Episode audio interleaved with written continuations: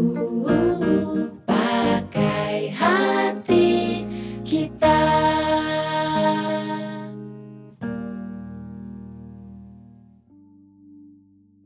kali ini di podcast pakai hati kita kita ada cewek cantik banget nih. Aduh. Aduh. Kok, kok dia yang aduh sih? Padahal seharusnya kan gue yang aduh ya gue langsung ngerasa kayak aduh gue pulang aja deh. ada yang shining banget di sini. Mawar De Yong. Halo. Hai. Nggak se-shining itu sih karena efek lampu mungkin ya. Iya. Ini kita mau lagi mau ngomongin soal mimpi. Hmm, mimpi. Kamu tuh dari dulu emang impiannya pengen jadi aktris atau gimana? Aduh, kalau bahas impiannya dulu pengen jadi apa? Sebenarnya sempat pengen jadi dokter, sempat pengen Mm-mm. jadi pengacara. Mm-mm. Terus pas aku SMP, pas lagi gila-gilanya banget sama K-pop gitu kan. Jadi kayak nonton boy band di atas panggung hampir setiap hari pulang sekolah gitu. Terus kayak kepikiran kayak aku bisa nggak sih jadi penyanyi? Bisa nggak sih nyanyi di atas panggung kayak mereka gitu? Terus eh, dapat rezekinya jadi bisa ngeluarin lagu juga sekarang. Sebenarnya kalau misalnya terjun ke dunia acting sendiri dulu nggak pernah kepikiran sih punya keinginan tapi nggak pernah kepikiran kayak one day bakalan terjun ke dunia perfilman kayak sekarang ini gitu nggak pernah kebayang tapi kayak wow aku jatuh cinta sama dunia ini gitu Aku sih kebayang sih kalau kamu jadi dokter pasti orang-orang pada pura-pura sakit terus. kalau jadi pengacara baik-baik jangan jadi pengacara perceraian ya. Itu yang namanya pengadilan agama itu bisa penuh itu. nah terus apakah dengan Mhm. sekarang nih lu nikmatin kan Mhm. nyanyi dan acting tapi apakah karena lu udah berhasil sukses di dunia perfilman dan musik terus lu jadi meninggalkan mimpi-mimpi lo yang dulu menjadi dokter dan pengacara Em, sebenarnya kalau dipikir-pikir kenapa aku meninggalkan jadi dokter Mhm. pada awalnya itu karena setelah aku sadarin aku nggak berani juga sih. Maksudnya tanggung jawabnya gede banget apalagi kan nyawa orang gitu ya. Dan dengar cerita orang kayak pas kuliahnya nanti bakal ada pembedahan bla bla bla bla gitu. Jadi kayak udah takut sendiri duluan gitu. Jadi udah nggak nggak berani lah buat ngelanjutin tanggung jawab sebesar itu gitu. Dan kalau karena lu gelian gitu ya kalau kalau ngeliat darah ini nggak? Panik nggak? Nggak panik sih cuma kayak itu bukan last option aku juga gitu. Jadi kayak Hmm. masih masih ada pekerjaan lain yang bisa aku lakukan ya bukan dengan ketakutan ketakutan itu gitu. Gitu sih. Nah kalau pengacara? Kalau pengacara apa ya aku juga ngerasa kapasitas aku nggak di situ sih pada akhirnya gitu. Kayak Hmm. buat ngafalin hukum. Sebenarnya aku tertarik banget buat belajar hukum tapi bukan kayak one day aku bakalan jadi pengacara atau apa. Tapi setelah aku pikir-pikir kayaknya kapasitas aku bukan jadi pengacara itu tadi gitu hmm. terus kapasitasnya sebagai apa dong Ya, aku juga masih mencari sih. Jadi kayak masih mungkin masih banyak impian-impian yang bakalan muncul nantinya. Apalagi aku masih 19 tahun kan sekarang. Jadi kayak masih masih mencari juga gitu. hmm, berarti belum berpuas diri ya Cukup puas dengan apa yang aku dapat sekarang. Maksudnya kayak nggak pernah expect bakalan di sini gitu. Dan udah senang. Tapi pastinya kayak manusia udah tercapai goalsnya satu, Mm-mm. pasti dia set another goals gitu. iya Mm-mm. kalau di dunia acting Mm-mm. lu sekarang udah terkenal udah Aduh. banyak film terus udah gitu orang Amin. lu-lukan gitu kan Nah, apakah itu sebuah rencana yang terus akhirnya terjadi Mm. atau emang tiba-tiba aja kayak Tuhan ngasih ngasih lo jalan ini tiba-tiba aja sukses di perfilman. Iya Tuhan ngasih aku jalan ini dan maksudnya aku sendiri pun dari awal aku casting atau uh, terjun maksudnya di awal aku FTV sinetron itu nggak- aku nggak pernah terbayang kayak wah aku jadi ini untuk mendapatkan popularitas atau aku untuk apa. Tapi kayak emang aku melakukan pekerjaan aku yang aku suka gitu. Berakting dengan ketemu sama teman-teman di balik layar juga itu aku seneng gitu. Jadi bukan yang kayak aku ngejar sesuatu juga dari itu gitu sih Hmm. Nah, terus lo nggak ngeset goal nggak? Karena kan awalnya lo kepengen jadi dokter. Iya. terus berubah karena hmm, lo pengen bisa nyanyi, pengen jadi penyanyi. Kesampaian nih, lagu lo terkenal, ya kan? Amin. Nah, terus next goalnya apa? Nah, next goalnya uh, untuk sekarang ini aku pengen punya lagu yang aku tulis sendiri karena uh, beberapa single aku masih ya ditulis sama orang lain berdasarkan pengalaman mereka gitu. Aku pengen lagu ini bener-bener dari hati aku gitu jadi dengan pengalaman aku juga dengan Mm-mm. apa yang aku lihat dari sekitar aku gitu sih Hmm, tapi emang senang nulis. seneng tapi kayak nggak pede gitu loh kak kayak masih ya pernah nulis satu bait lah gitu tapi kayak dilihatnya kok nggak nyambung gitu kayaknya kayak jangan dulu deh mawar gitu Ada rasa kayak nggak nyaman ya nggak pedenya gitu ya. Iya, masih masih kurang pede Tapi kalau misalnya di perfilman ada nggak rasa-rasa nggak pede gitu? Eh, rasa nggak pedenya ya mungkin kayak kalau misalnya ketemu lawan main yang senior atau apa jadi kayak ngerasa apa sih bukan lebih ke insecure sih kalau itu ya jatuhnya Hmm. bukan ya nggak pede dan insecure sih tapi selama melakukannya sih selama ini sih pede-pede aja sih Hmm. Terus berarti kalau ketemu yang senior Mhm, lo berasa nggak pede. mhm. Nah, apakah itu memunculkan keinginan untuk lo belajar lebih supaya bisa equal gitu loh? ya pastinya ada apa ya sebenarnya karena ketemu dengan senior juga menjadi kesempatan buat aku belajar juga sih jadi kayak Mhm. ngeliat cara dia cara dia mendalami peran ap- apa aja yang dia tanyakan tentang peran ini apa aja yang perlu aku tahu tentang peran ini juga kayak banyak banget sih belajarnya kalau dari ketemu aktor-aktor dan aktris senior gitu Kalau yang junior, engineer juga banyak. Maksudnya aku sih nggak pernah nggak pernah ngeliat. Maksudnya kayak aku sih aku nggak tahu junior juniornya gimana. Maksudnya kayak aku ngerasa aku juga masih junior banget masih baru banget masuk gitu. Tapi ya dari semua pemain pasti ada ada pelajaran baru yang bisa didapetin. Kayak beda pemain beda teknik ya pelajaran baru sih kalau menurut aku gitu. Mm-mm. karena dari kalau gue punya pengalaman beberapa tahun yang lalu gue sempat magang di waktu itu di Prancis magang di tempat pegunungan Mhm. tempat anak-anak itu liburan. Jadi anak-anak sekolah liburan selama satu minggu di tempat itu terus kita banyak coursesnya gitu, banyak kursusnya. Mhm. Ada kursus kilat perfilman, kursus kilat gardening atau bikin keju, ada yang sirkus. Nah, megang bagian perfilman.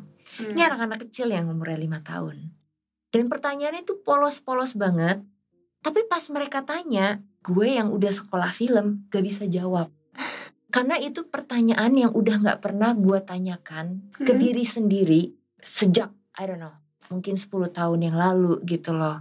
Jadi terkadang back to basic itu membuat kita jadi belajar lebih banyak gitu loh. Tidak selalu harus belajar dari yang senior gitu kan Iya, benar. makanya kadang kita dengan junior malah justru mungkin juniornya ngerasa kayak kayak lo posisinya lo ngerasa kayak oh my god ini gue sama senior gue kan gak ada apa-apanya tapi kita nggak pernah tahu kalau sebenarnya senior itu yang belajar dari juniornya Mhm. gitu pernah gak sih lo ngerasain kayak gitu Ya jujur aku nggak tahu maksudnya dari artis senior belajar dari aku atau gimana karena nggak Mm-mm. kelihatan ya maksudnya Mm-mm. kayak nggak nggak semua pembelajaran tuh yang kayak harus ditulis atau di diapain gitu tapi dilihat doang kan. Kalau ada yang belajar dari aku aku jujur kurang tahu. Berarti lo emang jiwanya jiwa belajar ya senang belajar. Makanya kan tadi off the recording Mawar sempet cerita dulu sempet sekolah modeling. Iya sempat sekolah sama modeling. sekolah acting. Mm-mm, padahal sekolah nggak ada tujuan untuk menjadi seorang aktris gitu kan. Nah Iya. terus awal mulanya kenapa ngambil sekolah modeling tuh kenapa jadi fun fact dulu dulu aku waktu kecil itu dimasukin sekolah modeling sama mama. Hmm. karena aku anaknya ya overconfidence gitu-gitu lah jadi kayak wah ini kayak cocok sih kalau disalurinnya di ya kelas modeling gitu-gitu kan. Terus pas aku udah SMP tuh kayak pengen deh coba lagi gitu. Pengen deh masuk sekolah lagi. Maksudnya kayak we never know gitu apa aja yang bakalan dibuka dari sekolah modeling ini gitu. One day mungkin aku bisa jadi a runway model mungkin atau yang lain gitu kan. Jadi akhirnya ikut kelas modeling Nah di di sekolah modeling itu juga diajarin acting, nyanyi, uh, public speaking dan lainnya gitu. Terus ya itu sebenarnya ada keinginan buat jadi actress, tapi bukan yang kayak pengen sih, tapi kayaknya aku nggak mungkin deh jadi actress kayak melihat apa uh, orang-orang yang udah ada di layar kaca gitu. Kayaknya aku bukan salah satu dari mereka deh, mungkin gitu ya kali ya. Dan makanya sampai sekarang pun kayak masih nggak percaya aku ada di posisi ini sekarang gitu. Hmm. berarti lo nggak naruh goal yang muluk-muluk dong Iya sih jatuhnya. Mungkin karena aku masih masih berapa tahun mungkin ya waktu itu Iya karena masih baru banget ya masih awal 14 mulanya tahun. Oh, Mm-mm. oke. Nah, terus sempat modeling juga tapi kerja sebagai model nggak sih cuma Hmm. kayak lomba lomba modeling lomba catwalk gitu-gitu terus gimana hasilnya Eh, gimana hasilnya ya ya mungkin beberapa kali pernah jadi juara kali ya tapi bukan yang selalu menjadi pemenang gitu. Jadi kayak emang dari dulu pun di diajarin sama mama. Mungkin waktu aku kecil pas aku kalah ya aku sedih aku nangis atau apa. Mhm. tapi pas makin gede aku sadar dengan mama masukkan aku lomba itu ya. One day dalam hidup kita ini pun pasti ada kegagalan atau kekalahan. Maksudnya kayak ya emang harus di normalize aja sih. Jadi bukan yang menjadi sesuatu yang bikin kita down banget gitu. Tapi sebagai aktris ya Mm-mm. Bukannya lu harus tahu lu tuh kuat di mananya. Misalnya apakah lo kuat di gestur ataukah lo kuat di wajah apakah lo punya karakter tersendiri lo kuat di peran dengan karakter ini ini ini gitu. Nah lo kan pemalu ya bisa dibilang ya. Iya. dengan merasa bahwa ah nggak mungkin nggak mungkin. Tapi biar gimana pun juga sebagai aktris lo harus tahu plus poin lo di mana kekuatan lo di mana? Itu lo udah udah tahu belum itu apa ya sebenarnya kalau dari aku sendiri misalnya dalam bermain film secara gesture expressions atau apa sih aku sih berusaha semaksimal mungkin. Maksudnya kayak aku nggak tentu nggak bisa kayak nonjolin di kamera wah wajah aku nih yang paling bagus jadi aku tunjukin mukaku aja gitu kan. Mm-mm. jadi kayak emang benar-benar harus memaksimalkan semuanya sih. Jadi kalau ditanya plus poinnya aku belum tahu. Karena gini kalau misalnya lo udah tahu gitu ya lo strongnya di misalnya karakter muka lo yang keras misalnya. Jadi lo cocok di peran antagonis gitu. Apa ya? Sebenarnya kalau aku sendiri aku kurang tahu sih. Dan aku berharap ya peran-peran yang ditawarkan maksudnya yang aku tahu aku bisa melakukannya dengan kapasitasku gitu. Aku berharapnya sih aku bisa fit ke dalam karakternya sih.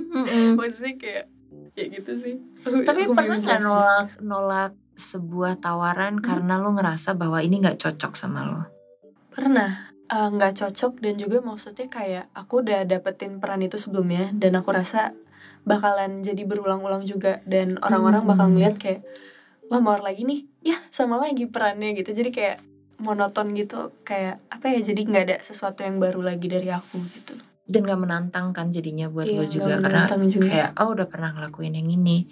Nah berarti lo udah jadi apa aja nih? Jadi ibu hamil pernah jadi oh ibu hamil muda terus? Jadi ya noni Belanda pernah. Oke. jadi perempuan bandel SMA primadona SMA itu juga pernah. Tapi semuanya protagonis? Ah, iya sih protagonis. Nggak tertarik untuk peran antagonis gitu cewek bitchy cewek cantik tapi bitchy Ah, tertarik sih antagonis ini kode loh buat para produser aku udah dapat kesempatannya tapi Mm-mm. mungkin kalau apa judul filmnya aku belum berani ngasih tahu ya jadi Oke. nggak kejutan lagi nanti uh gitu. mawar cantik tapi jahat gimana tuh jadi tapi kalau di dunia perfilman Mhm. kecantikan itu penting gak sih sebenarnya kalau dari aku aku sendiri maksudnya ya semua semua wanita cantik di luar industri Mm-mm. perfilman pun semua wanita tetap cantik. Dan di industri ini apakah kecantikan diperlukan?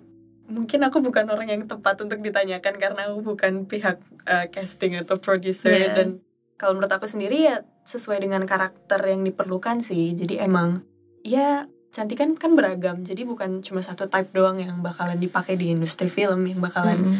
uh, yang bakalan menjadi pemain gitu. Kayak ya beragam gitu. Lebih susah mana sih sebenarnya meranin jadi cewek cantik atau meranin jadi cewek yang yang jelek gitu? Kayak eh, kamu nonton film ini gak sih? Filmnya Charlize Theron dulu yang menang Oscar apa namanya? Monster ya? Yang dia jadi jelek banget didandanin jadi jelek banget dan itu gak gampang kalau kalau menurut aku ya bikin seseorang aktris yang emang cantik banget dan dambakan sama banyak orang karena kecantikannya tapi berani ngambil resiko untuk terlihat jelek dan emang dibikin jelek gitu loh. Jelek dalam artian ya dibandingkan dengan dia aslinya itu beda jauh gitu. Jelek kan konotasinya negatif ya tapi tidak secantik yang biasanya Mm. itu lebih lebih susah sih tapi pasti deh, pasti banyak orang yang bilang kamu cantik. Waduh, Ayo ngaku. Iya iya atau enggak? mungkin. Iya. Berarti bingung. berarti nggak merasa cantik dong. Iya maksudku kayak ya apa yang aku dapetin ini pastinya udah direncanakan sama Tuhan maksudnya Mm-mm. sebagaimana ya cantik menurut dia pastinya gitu kan jadi mm-mm. kayak ya aku sih masih sampai sekarang ya pasti pernah lah insecure atau apa tapi ya mencoba semaksimal mungkin untuk self love aduh jadi jadi beda topik Nggak apa-apa. Self love iya. Nah, itu self love di dunia perfilman tuh sulit gak sih? Terutama di dunia ini ya, peran aktor. Sebenarnya aku lebih setuju dibilang sulit sebagai public figure sih. Jadi karena emang semua semua yang kita lakukan pasti dilihat sama orang. Maksudnya beberapa dari mereka juga jadiin kita jadi cerminannya kan. Maksudnya kayak ah mereka nih wah keren nih. Aku contoh ah gitu. Jadi kayak lebih ke sana sih. Lebih ke sana. Jadi kayak apalagi dengan eh, seterbuka itu eh, kehidupan kita, jadi kayak banyak orang yang mulai mengomentari mungkin atau kurang setuju dengan apa yang kita lakukan gitu sih. Nah, ini kan sebenarnya bisa dibilang advantage, tapi Mhm. juga risiko dari seorang aktris. Mhm. Karena di saat dia berhasil, dia menjadi sebuah public figure. Di saat dia menjadi public figure, dia ada under the spotlight. Semua orang ngeliat dia. Nah, itu jadi bagian dari mimpi kamu gak sih? Bahwa suatu saat lo bisa punya influence over people. Iya aku setuju sama kakak kayak once kita udah jadi actress ya kita bakalan jadi public figure juga dan sebenarnya kalau aku dulu sih aku bener-bener nggak pernah terbayang. Karena posisi aku dulu ya ya istilahnya followers followers dari ya mereka gitu. Mm-mm. dan aku pengen menginfluence people tapi aku sih tetap nggak mau maksudnya dari sisi pandang aku doang sih. Aku tetap kayak harus yang terbaik buat mereka juga buat aku juga. Jadi kayak bukan apa yang menurut aku benar aku ajarin ke mereka gitu. Kayak ayo kita lakukan ini karena ini men- menurut aku ini benar gitu. Jadi nggak kayak gitu sih caranya. Mungkin lebih kayak ya once once aku bakalan menginfluence mereka aku juga harus ngelakuin research atau apa. Jadi kayak nggak nggak menyesatkan mereka juga sebagai pengikut aku gitu. Pengikut wow. Ya sebagai itu maksudnya kayak followers atau Mm-mm. ya yang ngelihat aku gitu. Sebenarnya itu sebuah kekuatan yang sangat besar loh. iya benar. Bahwa nggak semua orang didengar sama orang lain. Dan itu sebuah kesempatan di mana ya sekarang tergantung dari diri lo sendiri kepengen membawa message apa ke mereka? Mungkin membawa bisa membawa message bahwa jadilah dokter. Jangan takut sama jangan takut sama ngebelek-belek dan eh, itu gue paham sih soalnya bokap gue kan dokter ya. Uh-huh. gue empat bersaudara. Dan dari kecil tuh bokap bokap gue selalu bilang pokoknya harus ada anaknya papa minimal jadi dokter terus di rumah tuh isinya tuh banyak ensiklopedi kedokteran. Yang kalau dilihat setiap halamannya ada foto. Dan fotonya nggak perlu gue jelasinnya kayak gimana ya. Oke. Menjijikan sekali. Dan dari kecil tuh di kayak nih lihat tuh kalau jadi dokter kayak gini bisa nolongin orang. Cuma karena ngelihatnya itu yang borok lah segala macam malah yang ada jadi nggak tertarik jadi dokter gitu terus kalau misalnya lo nih sekarang Mm-mm. mimpi apa yang belum kecapean? Karena kalau bisa dibilang kan dokter udah dicoret nih karena kayaknya nggak emang nggak cocok aja. Pengacara dicoret ya kan? Aktris sudah penyanyi sudah. Ada impian lain nggak yang belum tercapai?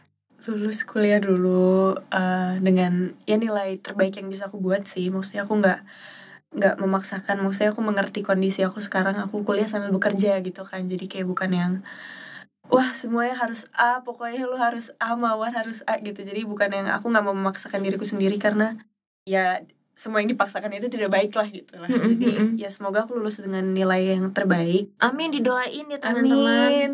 Dan ke depannya bagaimana? Aku sih masih mengikuti aja sih, maksudnya mengikuti jalan hidup gitu. Jadi kayak ke mana arus ini membawaku gitu. kuliahnya ngambil apa Ilmu komunikasi. Uh, oke, saya paham sekarang. Ya, Mengapa? ya, ya. Mengapa kamu bisa berubah switch secepat itu? Kalau boleh tahu nih, Iya. saat ini kamu ada pasangan nggak? Kenapa tuh? Karena eh, ini berhubungan dengan pertanyaan berikutnya. Kalau nggak ada pun nggak apa-apa. Tapi apakah selama perjalanan karir kamu Hmm. Pasangan itu menjadi hambatan? Aku nggak tahu sih, tapi mungkin beberapa orang ada yang mendapatkan pasangannya menjadi hambatan. Aku nggak tahu. Tapi kalau di aku sih emang ya saling support apa pun apa pun yang kita lakuin, maksudnya ya kita saling support sih karena yang ngerti mimpi kita juga ada di sini gitu. Jadi bukan buat menjatuhkan yang lainnya supaya hubungan berjalan baik kan bukan cuma hubungan itu doang yang harus dijaga maksudnya ya kesehatan mental kita juga maksudnya kita melakukan apa yang kita suka kan juga berpengaruh gitu ke ke kitanya gimana gitu jadi ya sejauh ini sih kita saling Uh, berarti jawabannya iya, punya pasangan. aduh karena kan gini, karena kalau dari yang lo ceritain bahwa lo itu kuliah, Mm-mm. terus eh, nyanyi juga, kepengen nulis lagu, terus acting, filmnya juga udah ada yang ngantri dan segala macam. Apakah ada waktu untuk pacar gitu loh? Dan berarti kan pacarnya harus orang yang memang menerima mimpi kita iya bener dan mau mendukung. Berarti kan dia harus menyesuaikan bahwa lo udah udah mendedikasikan waktu lo sekian persen untuk kerja, untuk kuliah. Jadi dia cuma dapat sekian persen doang. Dan nggak semua orang kan bisa nerima itu. Iya bener Tapi kan kalau misalnya kita sedih karena kita nggak ngejalan mimpi kita Misalnya dia minta kita putusin karir kita atau apa gitu Kan kita jadi cranky gak sih dalam hubungan itu nggak berarti sih? mending Jadi putus ya. marah terus gak bahagia gitu Jadi Nah kayak, itu berarti kode keras untuk pacarnya Mawar ya kalau denger. Hati-hati ya, jangan sampai bikin dia cranky Aduh. karena mimpinya harus tercapai. Thank you banget loh udah berbagi-bagi sama kita. Ada ini nggak? Ada tips nggak buat pendengar podcast pakai hati kita untuk mencapai cita-cita atau mimpi mereka? Tipsnya pastinya ya itu tadi sih kita harus set goals. Eh, Maksudnya ke depannya kita mau apa set goal kita. Eh, Terus ya harus ada usaha pastinya buat mencapai mimpi itu. Nggak bisa kita tunggu eh, mimpi itu bakal datang gitu nggak mungkin. Jadi kita harus ada usaha dibantu dengan doa juga pastinya. Terus ya tetap ngelakuin yang terbaik sih Ngelakuin yang terbaik Sukses terus. Mau bilang awet terus sama pacarnya tapi Aduh. ditunggu karya-karya berikutnya dan di- ditunggu lagu yang ditulis sendiri ya. Terima kasih Aku mau jadi pendengar yang paling pertama. Terima kasih Sampai ketemu lagi di podcast berikutnya ya. Thank you Mawar. Thank you Bye. Bye